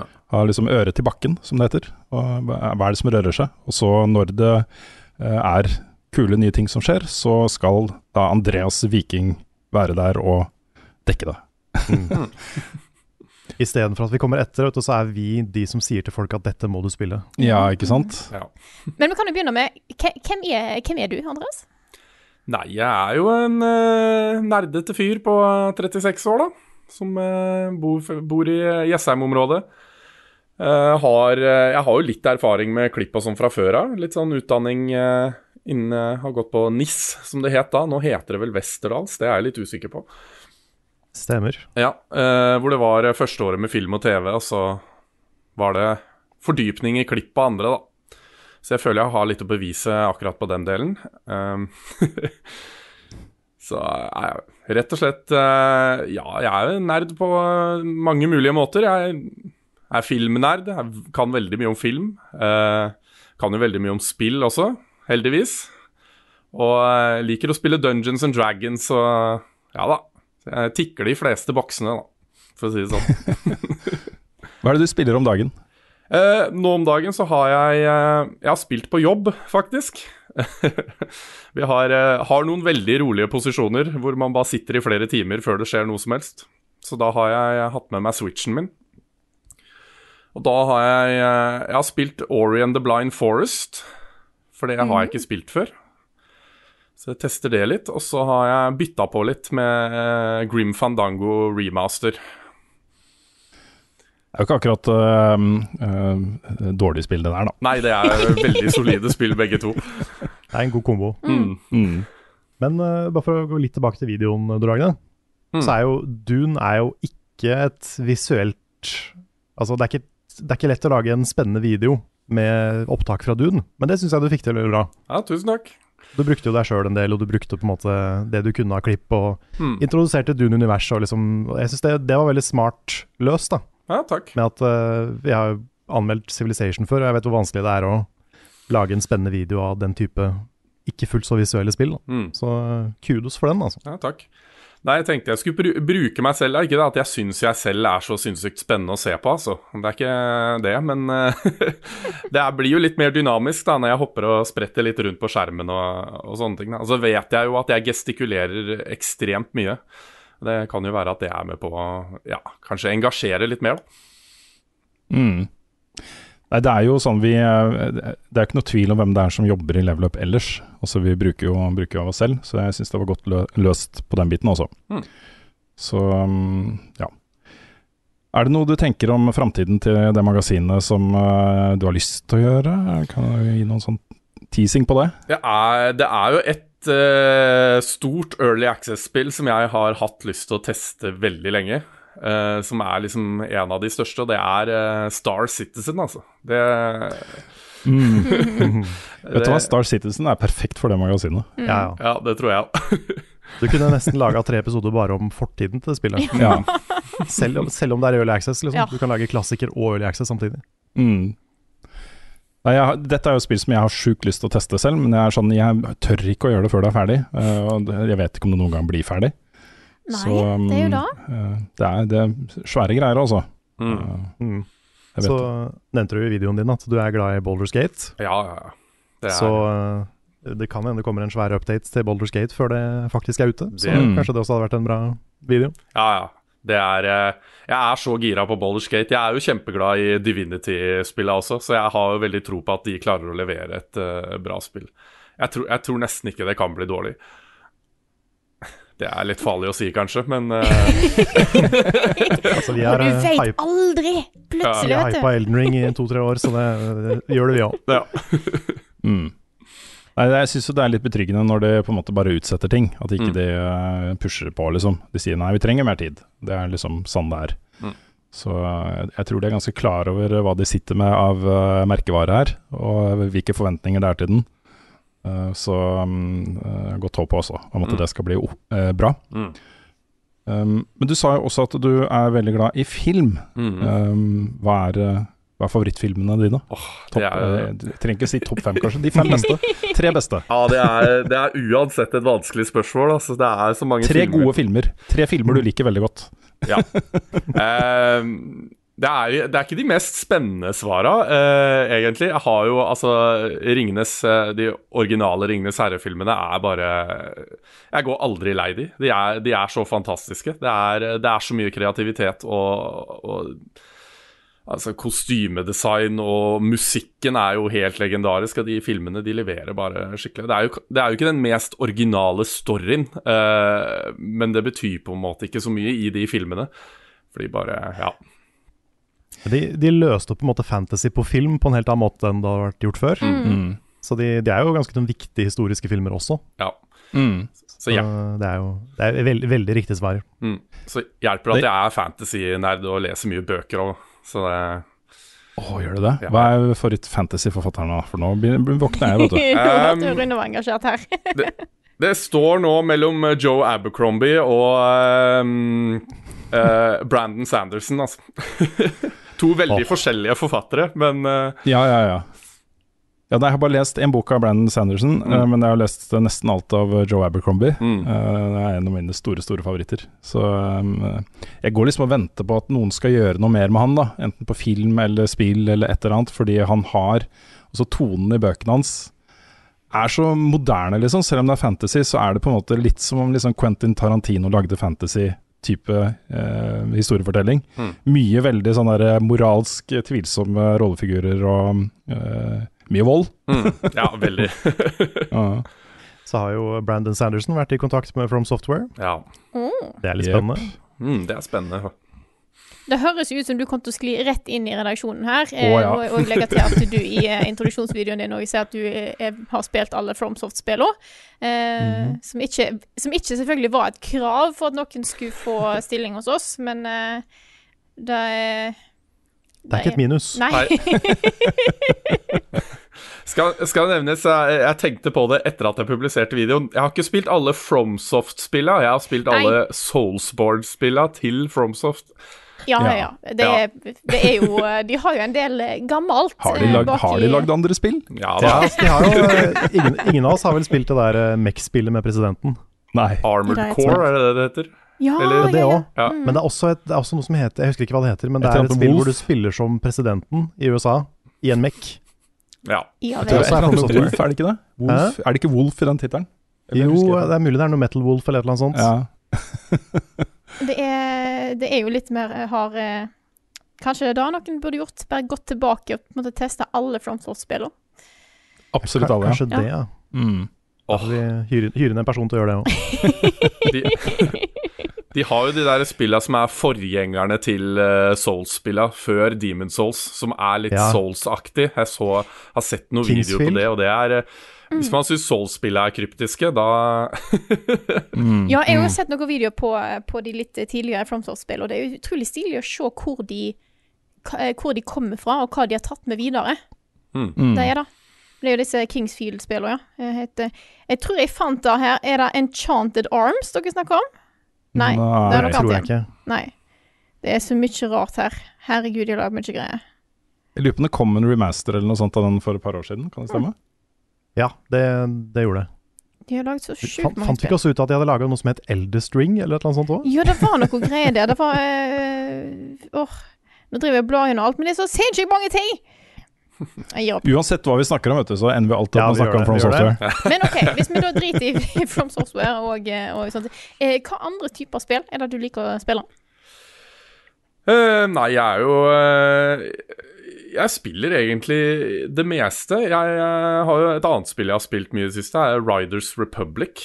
Uh, Mm. jeg, er veldig, jeg, jeg er veldig glad i sånne spill hvor jeg ikke trenger å tenke i det hele tatt. Jeg kan bare sette meg ned og trik trikse litt på sykkel, liksom. Det er, uh, noen ganger så trenger jeg bare det, etter en lang arbeidsdag. Det, det her er jo et annet eksempel på hvorfor vi trenger deg. da, fordi eh, Riders Republic var jo ute i masse betaer og alfaer og sånne ting før det ble lansert. Og Hadde vi hatt deg på plass, vet du, så hadde vi kunnet dekke det skikkelig. Mm. Uh, og det ble jo sånn Da det ble lansert, så ble det lansert samtidig med masse annet, og så rakk vi ikke å gjøre noe på det. Og så er det et stort hull, ikke sant. Så vi Mm. eh, prøver jo å tette disse hullene. Det er story of level up, det der. Ja, det er det. altså, det her kommer til å bli kjempebra. Og så bor du jo heller ikke så innmari langt unna Oslo. Så um, eh, kanskje vi kan få til å møtes fysisk innimellom også. Mm. Hadde vært veldig hyggelig, i hvert fall. Mm. Absolutt. Jeg tenker vi ønsker deg bare hjertelig hjertelig velkommen. Uh, gleder meg allerede til, uh, til neste gang Mm. du lager uh, Early Access-spalte hos oss. Um, det, vil du ha et siste ord i podkasten før du flykter videre i livet? Ja, hva skal det være for noe? det, nei, altså jeg, jeg, jeg gleder meg veldig til å jobbe med det prosjektet her. Jeg tror, jeg tror det blir veldig gøy, og um, håper at Håper at folk kommer med ærlige og gode tilbakemeldinger på eh, hvordan de syns formatet utvikler seg og, og sånne ting. Da. Sånn så jeg eh, kan lære å, å bli bedre på å lage videoer. Sorry. Det er jeg helt sikker på kommer til å skje. Så um, du, er, du er i godt selskap nå, Andreas. Mm. Så det her blir bra. Ja, det Og hvis du ikke har sett eh, videoen, eller videoene til Andreas ennå, gå inn på kanalen vår på youtube.com. Der ligger de begge to, vet du. Så har dere ingen unnskyldning til å ikke ha sett de nå, altså. Da, da vil jeg si. Hva er hennes best, hvor var fredag sist? Har Carl egentlig sopp? Ukens spørsmål. Vi har fått inn masse hyggelige spørsmål i dag, og vi begynner med et spørsmål fra Kjaus, som skriver Dere har snakka mye om hot takes i podkasten. Det er jo åpenbart mange YouTube-kanaler som er kontroversielle for å generere, generere klikk. Hvorfor generere? Jeg, trodde det sto, jeg trodde det sto generelt, men det sto generelt Ja. Men hvor går grensa mellom en kritisk anmeldelse og en hot take? Kan hot take-begrepet misbrukes for å nedvurdere anmeldelser som er uenige med majoriteten, f.eks. kritiske Elton Ring-anmeldelser?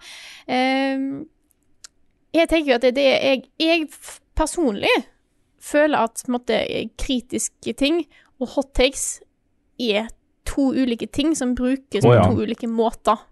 Ja, jeg har sett folk uh, avfeie kritikk som hottakes, så svaret på det er jo ja, det kan, det kan jo skje. Uh, men jeg merker også veldig fort om da en YouTuber eller en uh, Twitter-bruker eller hva som helst er ute etter reaksjoner eller er ute etter uh, å bare være litt kontroversiell framfor å uttrykke noe mer nytt, eh, nyttig og gjennomtenkt. Da. Mm. Det, er veldig, det er veldig lett å plukke opp de signalene, føler jeg. Ja, det handler, ofte, det handler ofte om, føler jeg da, um, at man sier folk objektivt tar feil. Altså, uh, i tilfelle Endring for eksempel, som jo åpenbart veldig mange elsker. Altså, det er, det er ingen tvil om at det er mange som er glad i det spillet. Um, hot takes føler jeg da uh, sier eh, De tar feil. Jeg har rett. Det er jeg som sitter med den objektive sannheten om dette her. Og den er liksom Dette er ræva eller dritt, og de tar og overdriver da de, de negative sidene. For klikk eller for uh, oppmerksomhet. Mm. Men det går jo helt annet å eh, ikke like Elden Ring. Og det går går ja. helt fint å ha kritiske eh, tanker og anmeldelser av et sånt spill, selv om mange andre liker det. Men Mm. da må det Altså, det spørs hvordan det gjøres. Mm. Jeg legger også merke til at veldig mange som starter med 'her kommer en upopulær mening', Mm.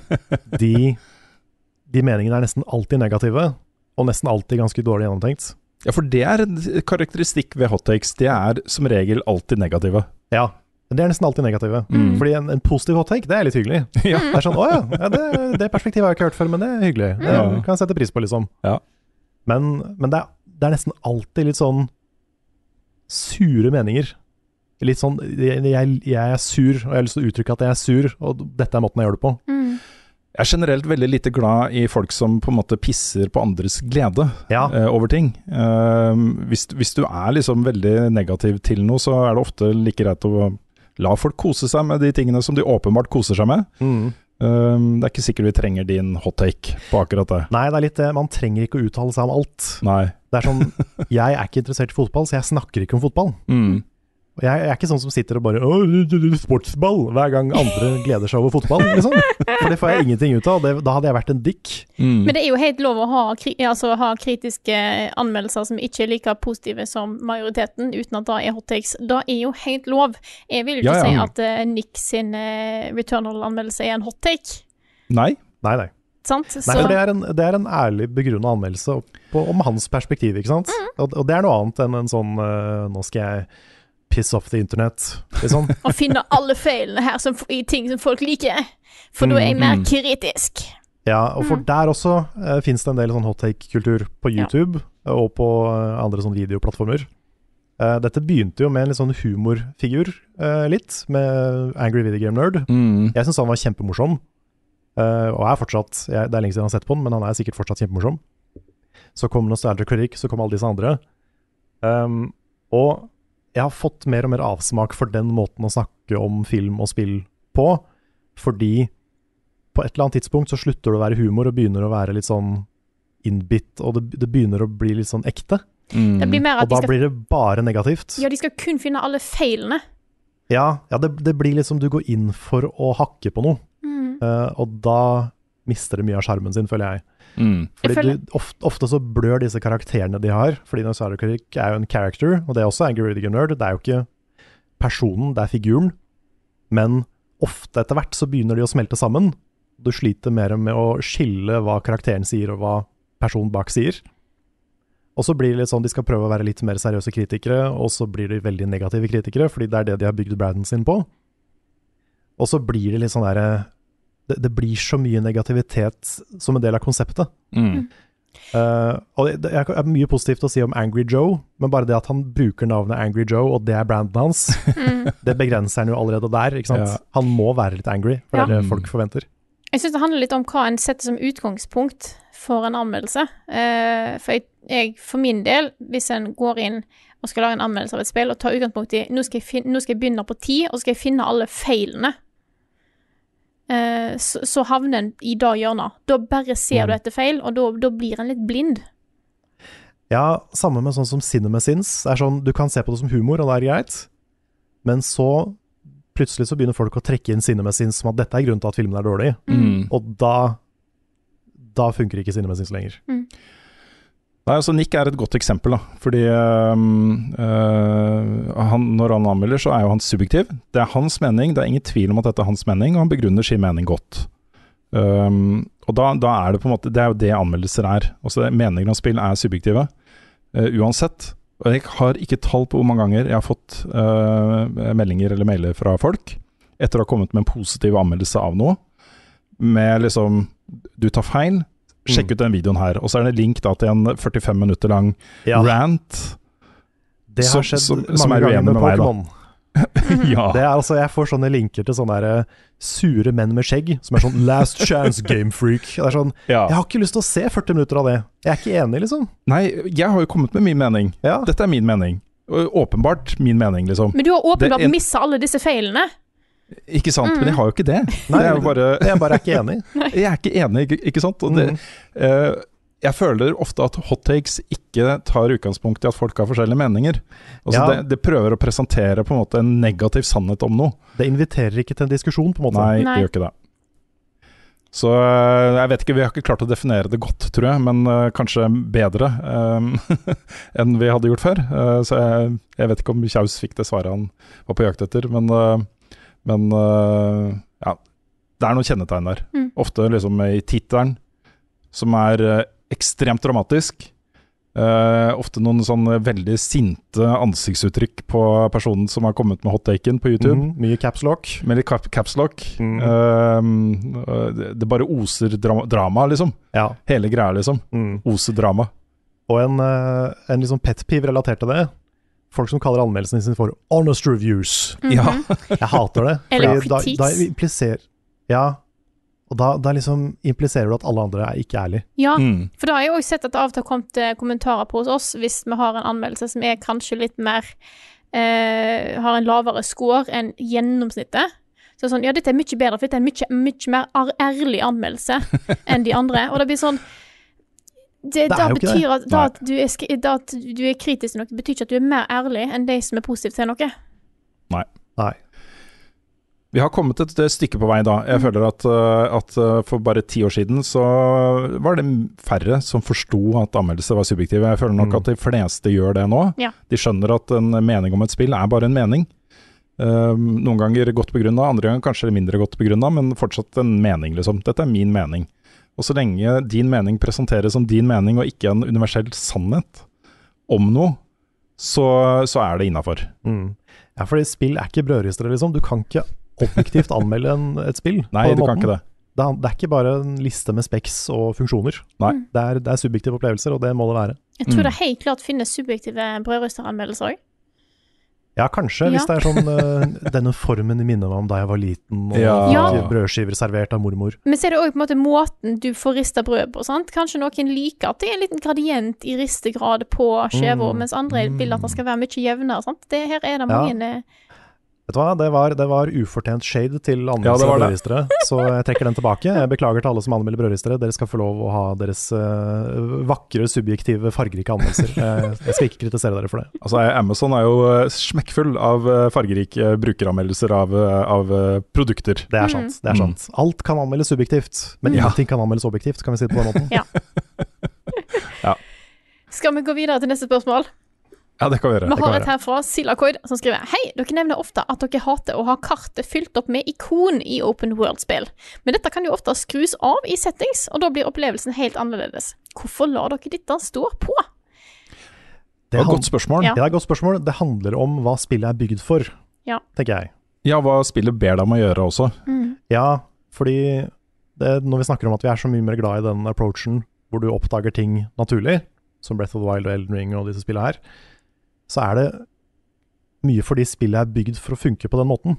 Mm. Mens i disse andre open world-spillene så er det meninga at du skal mye mer målretta gå til ting. Mm.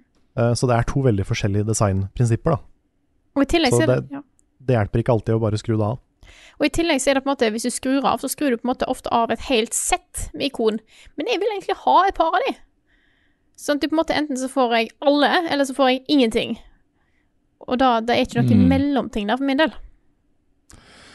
Nei, altså, jeg, jeg, tenker at Assassin's Creed er et godt eksempel der, da kanskje spesielt Valhalla, som jo hadde denne adventure mode, eller hva det het for noe, hvor eh, det var veldig lite ikoner på kartet. Eh, men hvis, hvis man er som meg, da, har lyst til å begynne å snuse på liksom, Platinum Trophy og sånt etter hvert, så er det helt håpløst. Da må du ha ikoner på kartet. Og da ber den, da ber jo uh, om å gjøre masse, masse, masse greier rundt omkring på kartet, og mye av det føles veldig samey, da. Det er mye mm. like ting, liksom. Mye repetisjon. Uh, og da, da blir kartet et uh, problem. Uh, men uh, Silicon har jo et poeng, for jeg kunne jo valgt å spille Valhalla som det. Mm. og bruke liksom informasjon som jeg kan fysisk se, liksom. om steder, og der kan det være noe å oppdage, og så er det det. ikke sant? Så er det en Mm. kul mystery eller et eller annet.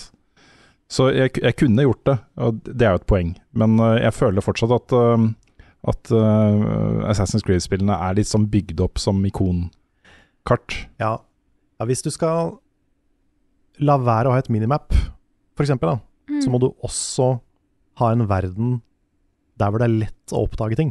Mm. Som er bygd for at du skal oppdage ting naturlig. Mm. Eh, og det er ikke nødvendigvis Assassin's Creed alltid. Det er, det er mer basert på at du har det mappet som leder deg til ting. Mm. Mens da disse andre spillene er mer bygd for at du skal naturlig oppdage ting. Og så, å, hva er det, hva er det, hva er det? Og så finner du det, og da har du det på kartet. Ja, for Elden Ring er et godt eksempel, da. For da har du liksom eh, noen MPC-er som kommer med noen hint om hvor du skal.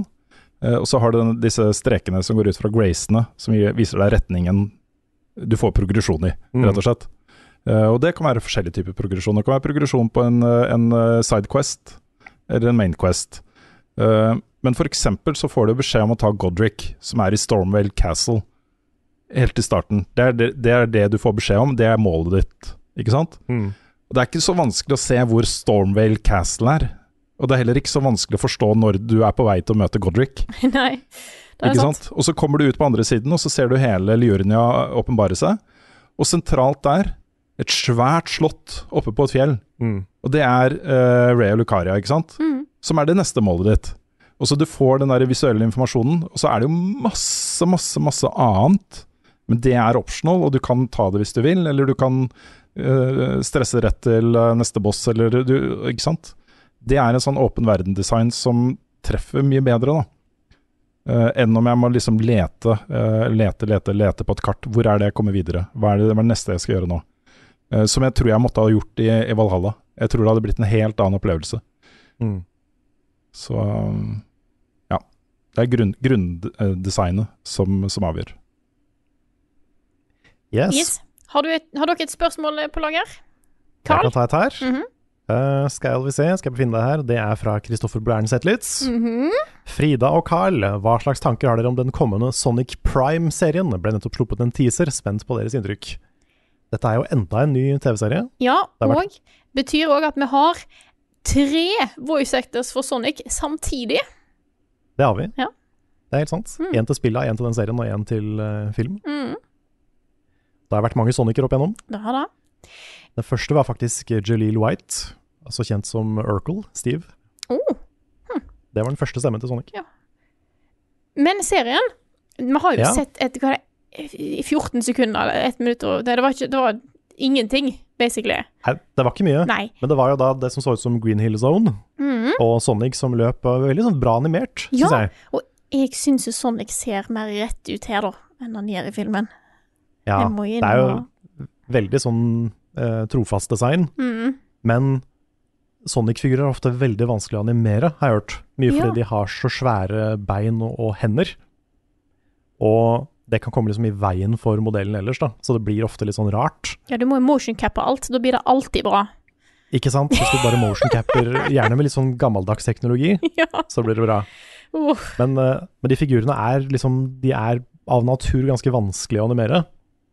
Men her syns jeg de har fått det til. De har gjort, eh, liksom gjort Sonic veldig uttrykksfull og uh, veldig sånn levende animert, så det er kult. Men jeg vet ikke noe mer om hva den serien her er for noe. Nei, det er da jeg er litt spent på. Hva er målgruppa litt her? Hva kommer det til å være? Det var vel 24 episoder som er planlagt. Så, eh, så dette her kan jo være litt eh, hva som helst, egentlig. Mm. Og det Det er jo litt sånn åpent hva du vil gjøre en Sonic-serie til. For du har jo den Adventures of Sonic, den gamle, Mm. som er veldig sånn Looney Tunes. Nei, nå Jo, jeg tror det. Og så har du den andre, som bare heter Sonic the Hedgehog, tror jeg. Ellers er det den som heter Adventures, det husker jeg ikke. Men, men det er den som er sånn mørk, satt i en liksom sånn postapokalyptisk verden hvor Robotnik har tatt over. Mm. Og den er ganske sånn litt sånn eventyr-spenningsserie. Ja. Uh, og så kom Sonic X, som er noe annet enn det igjen. Som er mye mer anime. Men jeg, jeg kunne tenke meg en ny versjon av den der eh, litt sånn postapokalyptiske, mørke uh, Redd planeten, få den tilbake fra eh, industrielle Robotnik, liksom. Mm. Det var noe kult der som jeg kunne tenke meg å sett på nytt. Men det ser ikke ut som dette her er det, da. Det her ser ut som det er mer sånn som Sonic Boom-serien var igjen. Ja, eh, og jeg vet ikke om det er da jeg vil ha nødvendigvis, men jeg, eh, jeg tenker jeg skal gi den her en sjanse. Han skal jo på Netflix, Ja, så lett tilgjengelig for folk. sant? Spent på hva denne her kommer til å bli, hvem som kommer til å være med, i tillegg til Sonic, for vi har vel egentlig kun sett Sonic så langt. Ja. Det er vel litt uh, voice actors som har blitt uh, vist, eller nevnt, tror jeg. Eller Det jeg er mest spent på akkurat nå, det er den kommende Knuckles-serien til Idris Elba. Ja, ja. helt Den skal jeg i hvert fall se. Mhm. Den må jeg se. Yes, Rune, har du et Ja. eh, nytt spørsmål på lager? Jeg kan ta et, her fra Sindre Li, som spør. Eh, I en av nerdelandslagets ny, nyligste podkaster snakker Andreas om crunch-kulturen i media og spill. Der sier gjest Susanne Berge, som vi også kjenner, at eh, arbeidsforholdene alltid burde blitt sett på i en anmeldelse av et spill. Hva tenker dere rundt det her? Og jeg mener jo at, eh, at rent prinsipielt så når det gjelder score og sånne ting, v- hvordan man vurderer et verk, så bør verket tale for seg selv, sånn i utgangspunktet. Men jeg er også helt enig i at dette er relevant informasjon, også i en anmeldelse, Mm. hvor det har kommet øh, øh, rapporter som er øh, troverdige, liksom, på arbeidsforhold f.eks., så er det naturlig også å snakke om det. Uh, for dette er jo noe som betyr uh, mye for noen, mindre for andre, men som uansett er relevant forbrukerinformasjon, tenker jeg, da. Mm. Um, hvor det er helt åpenbart. Men um, det er også sånn at selv om man sitter på jobb og har det kjipt, og har vært gjennom crunch, uh, f.eks., så er man i de fleste tilfeller også på en måte uh, eh, stolt av verket man har produsert. Og hvis man i tillegg liksom får bare dårlige scores da, på det fordi arbeidsforholdene har vært dårlige, så tror jeg ikke vi gjør de ansatte noen tjenester. Det handler mer om uh, at du som forbruker har et, et valg da, om å ikke kjøpe disse spillene hvis du mener at du ikke har lyst til å være med på å støtte uh, støtte dette selskapet økonomisk pga. arbeidsforhold, f.eks. Ja, for det handler jo først og fremst om å treffe de på toppen med et Mm. eller annet, og signalisere at dette er ikke ok, dere må endre strukturen i selskapet. Mm. Uh, ja. Jeg, jeg vet ikke hva som er den beste måten å gjøre det på. Nei. Jeg syns det er vanskelig. Jeg håper bare generelt at det blir mer åpenhet rundt hvordan arbeidsforholdene er i de ulike selskapene. For det kommer, jo ny, det kommer jo igjen og igjen fram rapporter om hvordan det er i selskap både her og der, og det syns jeg er veldig, veldig bra. Så jeg, Mm. jeg, jeg syns jo at dette her er noe som er relevant til å ta opp i en anmeldelse. Det hadde vært rart å ikke ta opp sånne ting i eh, anmeldelse av neste Blizzard-spill, eksempel. Mm. Eh, men det er vanskelig vurdering eh, sånn Ja. Nei, altså det eneste man eh, Altså, vi, vi vurderer jo på en måte verk. Altså vi er kritikere eh, av eh, underholdningsprodukter og kulturprodukter. Um, og det er på en måte vår viktigste funksjon da, når vi skal lage en anmeldelse. Eh, men vi bruker også en del tid på å snakke om arbeidsforhold f.eks. i spillbransjen. Mm. Eh, og um, jeg tenker at det som, eh, det som er viktigst, eh, det er jo å, eh, for bransjen å komme til et punkt hvor, eh, hvor det ikke er greit lenger. Med crunch, f.eks. Uh, og da er jo sånne ting som eh, fremveksten av fagorganisering, f.eks. Uh, viktig, da. Dette, dette handler om at arbeiderne må stille krav som blir hørt på. Um, og, og på den måten få varig endring. Mm. Der har det jo endelig begynt å skje ting, til og med i USA, og det er kjempebra. Mm. Uh, USA hater jo uh, fagforeninger nesten like mye som de hater abort. Så det er, uh, det er ikke lett å slå gjennom der. Nei. Nei. Men det er et vanskelig, stort og vanskelig tema. Ja. Um, og det er eh, noen av disse spillene som eh, gjør litt vondere enn andre å tenke på. Um, det er liksom Jeg hadde jo eh, Var det 100 og et eller annet timer i Red Dead Redemption 2. Uh, satt hele tiden og tenkte God damn, også så flinke de folka her er til å lage disse verdenene her. Og så kommer det da noen måneder etterpå rapporter om uh, hvor, uh, hvor, hvor kjipe arbeidsforhold de hadde hatt, og hvor mye crunch det var, og sjefer som, eh, som var sånn derre eh, Klaga på folk. Som, eh, som bare jobba tolvtimersdager og sånne ting. Mhm. Eller som måtte ta en helg fri for å dra i et bryllup og sånne ting. Så, så det, det føles jo ikke noe godt. Og hadde jeg, hadde jeg visst det mens jeg satt og spilte det, så hadde det nok kanskje også påvirka min uh, opplevelse av det. Eller i hvert fall ville jeg nevnt i anmeldelsen. Mm. At uh, dette er ikke greit. Uh, når man ser liksom hva som må til da, for å lage disse fantastiske verdenene, Mm. så er det ikke sikkert at det er verdt det. Nei, det er liksom ikke bare det at de har vært dedikerte, de har også blødd for det her, liksom. Mm. For mye. Ja. Hm. Så det er nok eh, absolutt ting å tenke på der. Det, det er det også. Jeg syns det er et uh, viktig perspektiv på, på det jobben vi gjør, rett og slett. Yes, jeg eh, tar et nytt spørsmål her, jeg. Mhm. Dette er et spørsmål til meg fra Nugget, som skriver Har du noen gang opplevd at folk ikke forstår deg? Tenker da på dialekta, og at jeg har opplevd dette sjøl en del ganger. Og jeg må innrømme at dette var noe jeg tenkte veldig på da jeg begynte i VG. Eh, prøvde å pa liksom passe på at jeg snakka rolig nok og sånne ting. Jeg har opplevd det et par ganger, men det er hovedsakelig noen ord her og der eh, som folk er uvant med. Og da skjønner jeg det finnes en del rare ord på store mål eh, som kanskje folk eh, eh, trenger en, en, en variasjon av eh, for Ja. å skjønne hvor jeg, hvor jeg eh, vil hen. Men generelt sett så opplever ikke jeg at folk har et problem med dialekta mi, egentlig. Svensker, de forstår ikke en dritt av hva jeg sier. men, men nordmenn flest, eh, så går det helt fint. Mm. Ja, det er jo mye takket være NRK, tror jeg, da. Som Ja. har disse her formålsparagrafene sine om å ha mange dialekter og Det er jo et krav. Ja. Det er et krav at det skal være i offentligheten. Og det er jo bra. Det er veldig, veldig bra. Mm. Uh, jeg har hørt folk si at det av og til tar de Hvis de ikke har snakka med meg på en stund, så kan det ta de et par minutter på en måte å bare stille seg inn på Mm. måten jeg snakker. Men det er jo òg fordi jeg snakker veldig fort, og da vet jeg er et problem. Så da eh, Men eh, det er lenge siden. Det er veldig, veldig veldig lenge siden jeg har fått noen kommentarer på det. I hvert fall i level up-sammenheng. Det har det ikke kommet inn en kommentar på, på det på åravis, faktisk. Så jeg tror Jeg kan knapt huske å ha reagert Nei. på det.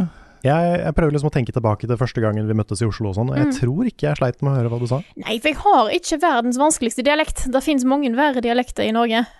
Mm. Eh, jeg har en del ord som måtte bare er nynorskord som folk som regel har hørt en gang eller to, og så plutselig dukker det opp et eller annet her og et eller annet der, men det går Mm. alltid bra. Så, så generelt eh, så tror jeg ikke at jeg har en altfor vanskelig dialekt. Har du noen eksempler på sånne Stordamål-ord som uh, Jeg husker du sa månebedotten. Eh. Månebedotten er favoritteksempelet mitt, men det er jeg ikke flink nok til å bruke. Eh, Nei. så da må, jeg- da må jeg innrømme. Det må du få inn i dagligtalen. Ja, jeg må få inn månebedotten litt mer. Ellers så det er, åh, det er vanskelig å komme på noe sånn eh, på stående fot. Jeg må få meg en større liste over ord som ikke bare er månebedotten, altså. Mm. Mm. Det er litt som den scenen i Love Actually hvor, eh, hvor han eh, eh, briten eh, drar til USA for å få seg dame. Og sitter på en bar og så snakker med disse hotte, hotte babesa. De ber han om å si eh, ord på britisk. Mm. Ja. Men jeg merker det med Jeg har jo min britiske venninne, Sophie, og, og jeg må Der må jeg stille meg om. Fordi jeg hører så mye amerikansk engelsk Mm. i hverdagen. Men uh, de første liksom ti minuttene jeg snakker med henne, så er liksom Ok, nå må jeg venne meg til britisk, og så begynner jeg også å snakke litt mer britisk. Men uh, det er en sånn prosess hver gang. Mm. Jeg har eh, Jeg hadde Som regel når jeg snakker, så går det bra. Det hender når jeg sender ord på, på dialekt på meldinger og sånt. Eh, det er ikke alltid jeg vet hvordan jeg skal skrive ord som jeg har på dialekt i liksom tekst. Eh, jeg husker at jeg sendte en melding som inneholdt ordet kleno til noen. Og det er jo klærne. ja. Sant? Og når det bare står KLENO, så er det litt sånn Hva i alle dager er dette her for noe? Fordi at jo, jeg har ikke en R inne der engang. Eh, Så da, da var det litt sånn hva, hva er det nå du snakker om? Eh, så da kan jeg forstå. Eh, Det høres ut som et vaskemiddelmerke. eller sånn. Ja, Kleno, ja. Ja. Mm. Så nei, eh, godt uh, spørsmål, det, altså. Jeg har jo fått kommentarer på ting Jeg har jo O-ending på alt. Det er noen som syns at banano er et veldig festlig ord. Mm. ja. Mm, den banano. Det er mest fordi Det, det er en her på Good Game som sier 'oss' til alt. Ja. Det, det jeg måtte venne meg til. Sånn, ja, det må oss gjøre. Mm, Og sånn. Det har jeg ikke hørt før. Så det er litt sånn, det, det med, måtte jeg venne meg til. mm, -hmm. Jeg skal prøve å komme på eh, Komme på Storamålsord, altså, som, er- som er litt sære. Kanskje jeg må ta og google litt, grann, bare for å finne liksom, hva er det jeg har glemt. Eh, jo, jeg har én eh, Å, hva er det ordet igjen, da? Nei, OK, det er et ord. Jeg skal prøve å finne ut hva det er for noe. Nå kommer jeg ikke på hva det er engang.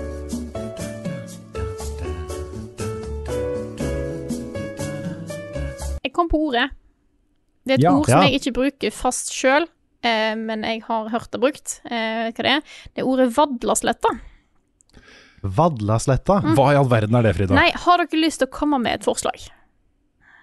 Vadlasletta Jeg tenker det kanskje er en turvei. En turvei, ja? Mm. En vei du kan vadla på.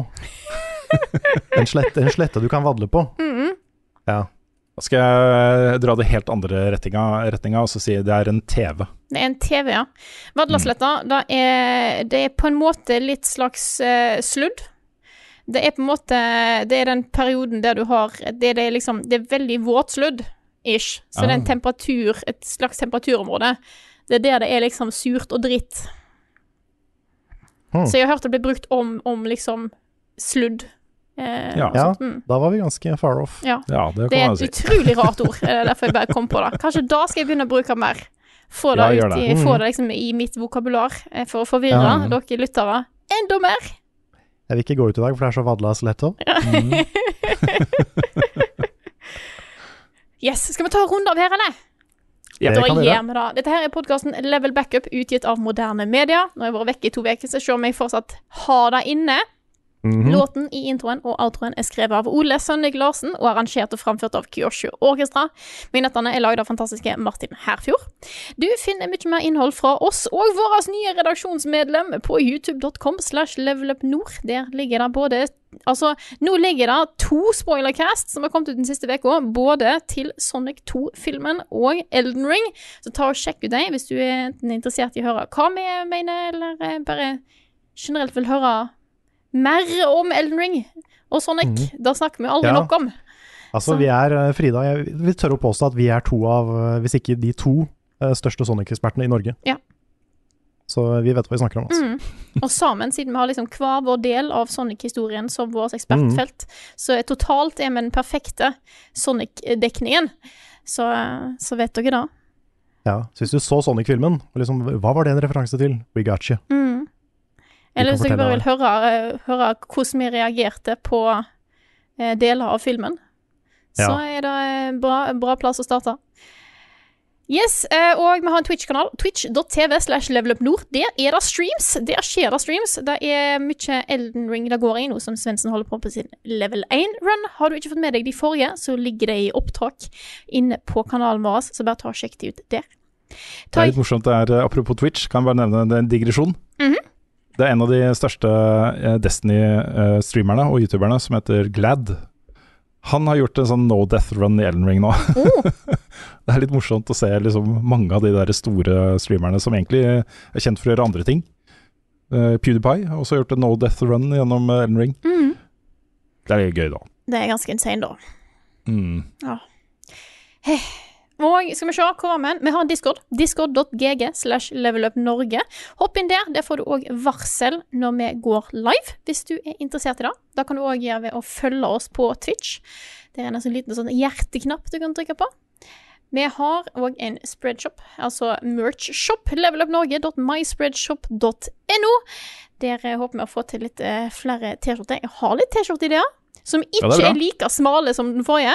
Men eh, bare får til å lage perfekte designer, vet du. Det er ikke lett. Og støtt oss gjerne på Patrion, patreon.com slash levelupnorge. Støtt oss med det beløpet du sjøl ønsker eller har lyst til eller har mulighet til. Eh, alt hjelper oss, og vi setter ekstremt stor pris på dere alle sammen. Så tusen, tusen takk, altså. Ja, tusen bare- hjertelig takk. Må være få sagt. Og så billetter til eh, liveshowet til eh, Rune. Da finner du på ticketmaster.no. Søk opp Level Up. Ja, Level Up Eldorado Ja. Mm. Yes. Mm. Ja. kommer det opp. Du kan til og med søke Rune, Rune 25. Ja. ja. Oh, og med det så runder vi av her for denne gangen her. Takk for at du hørte på denne episoden, og så snakkes vi igjen neste uke.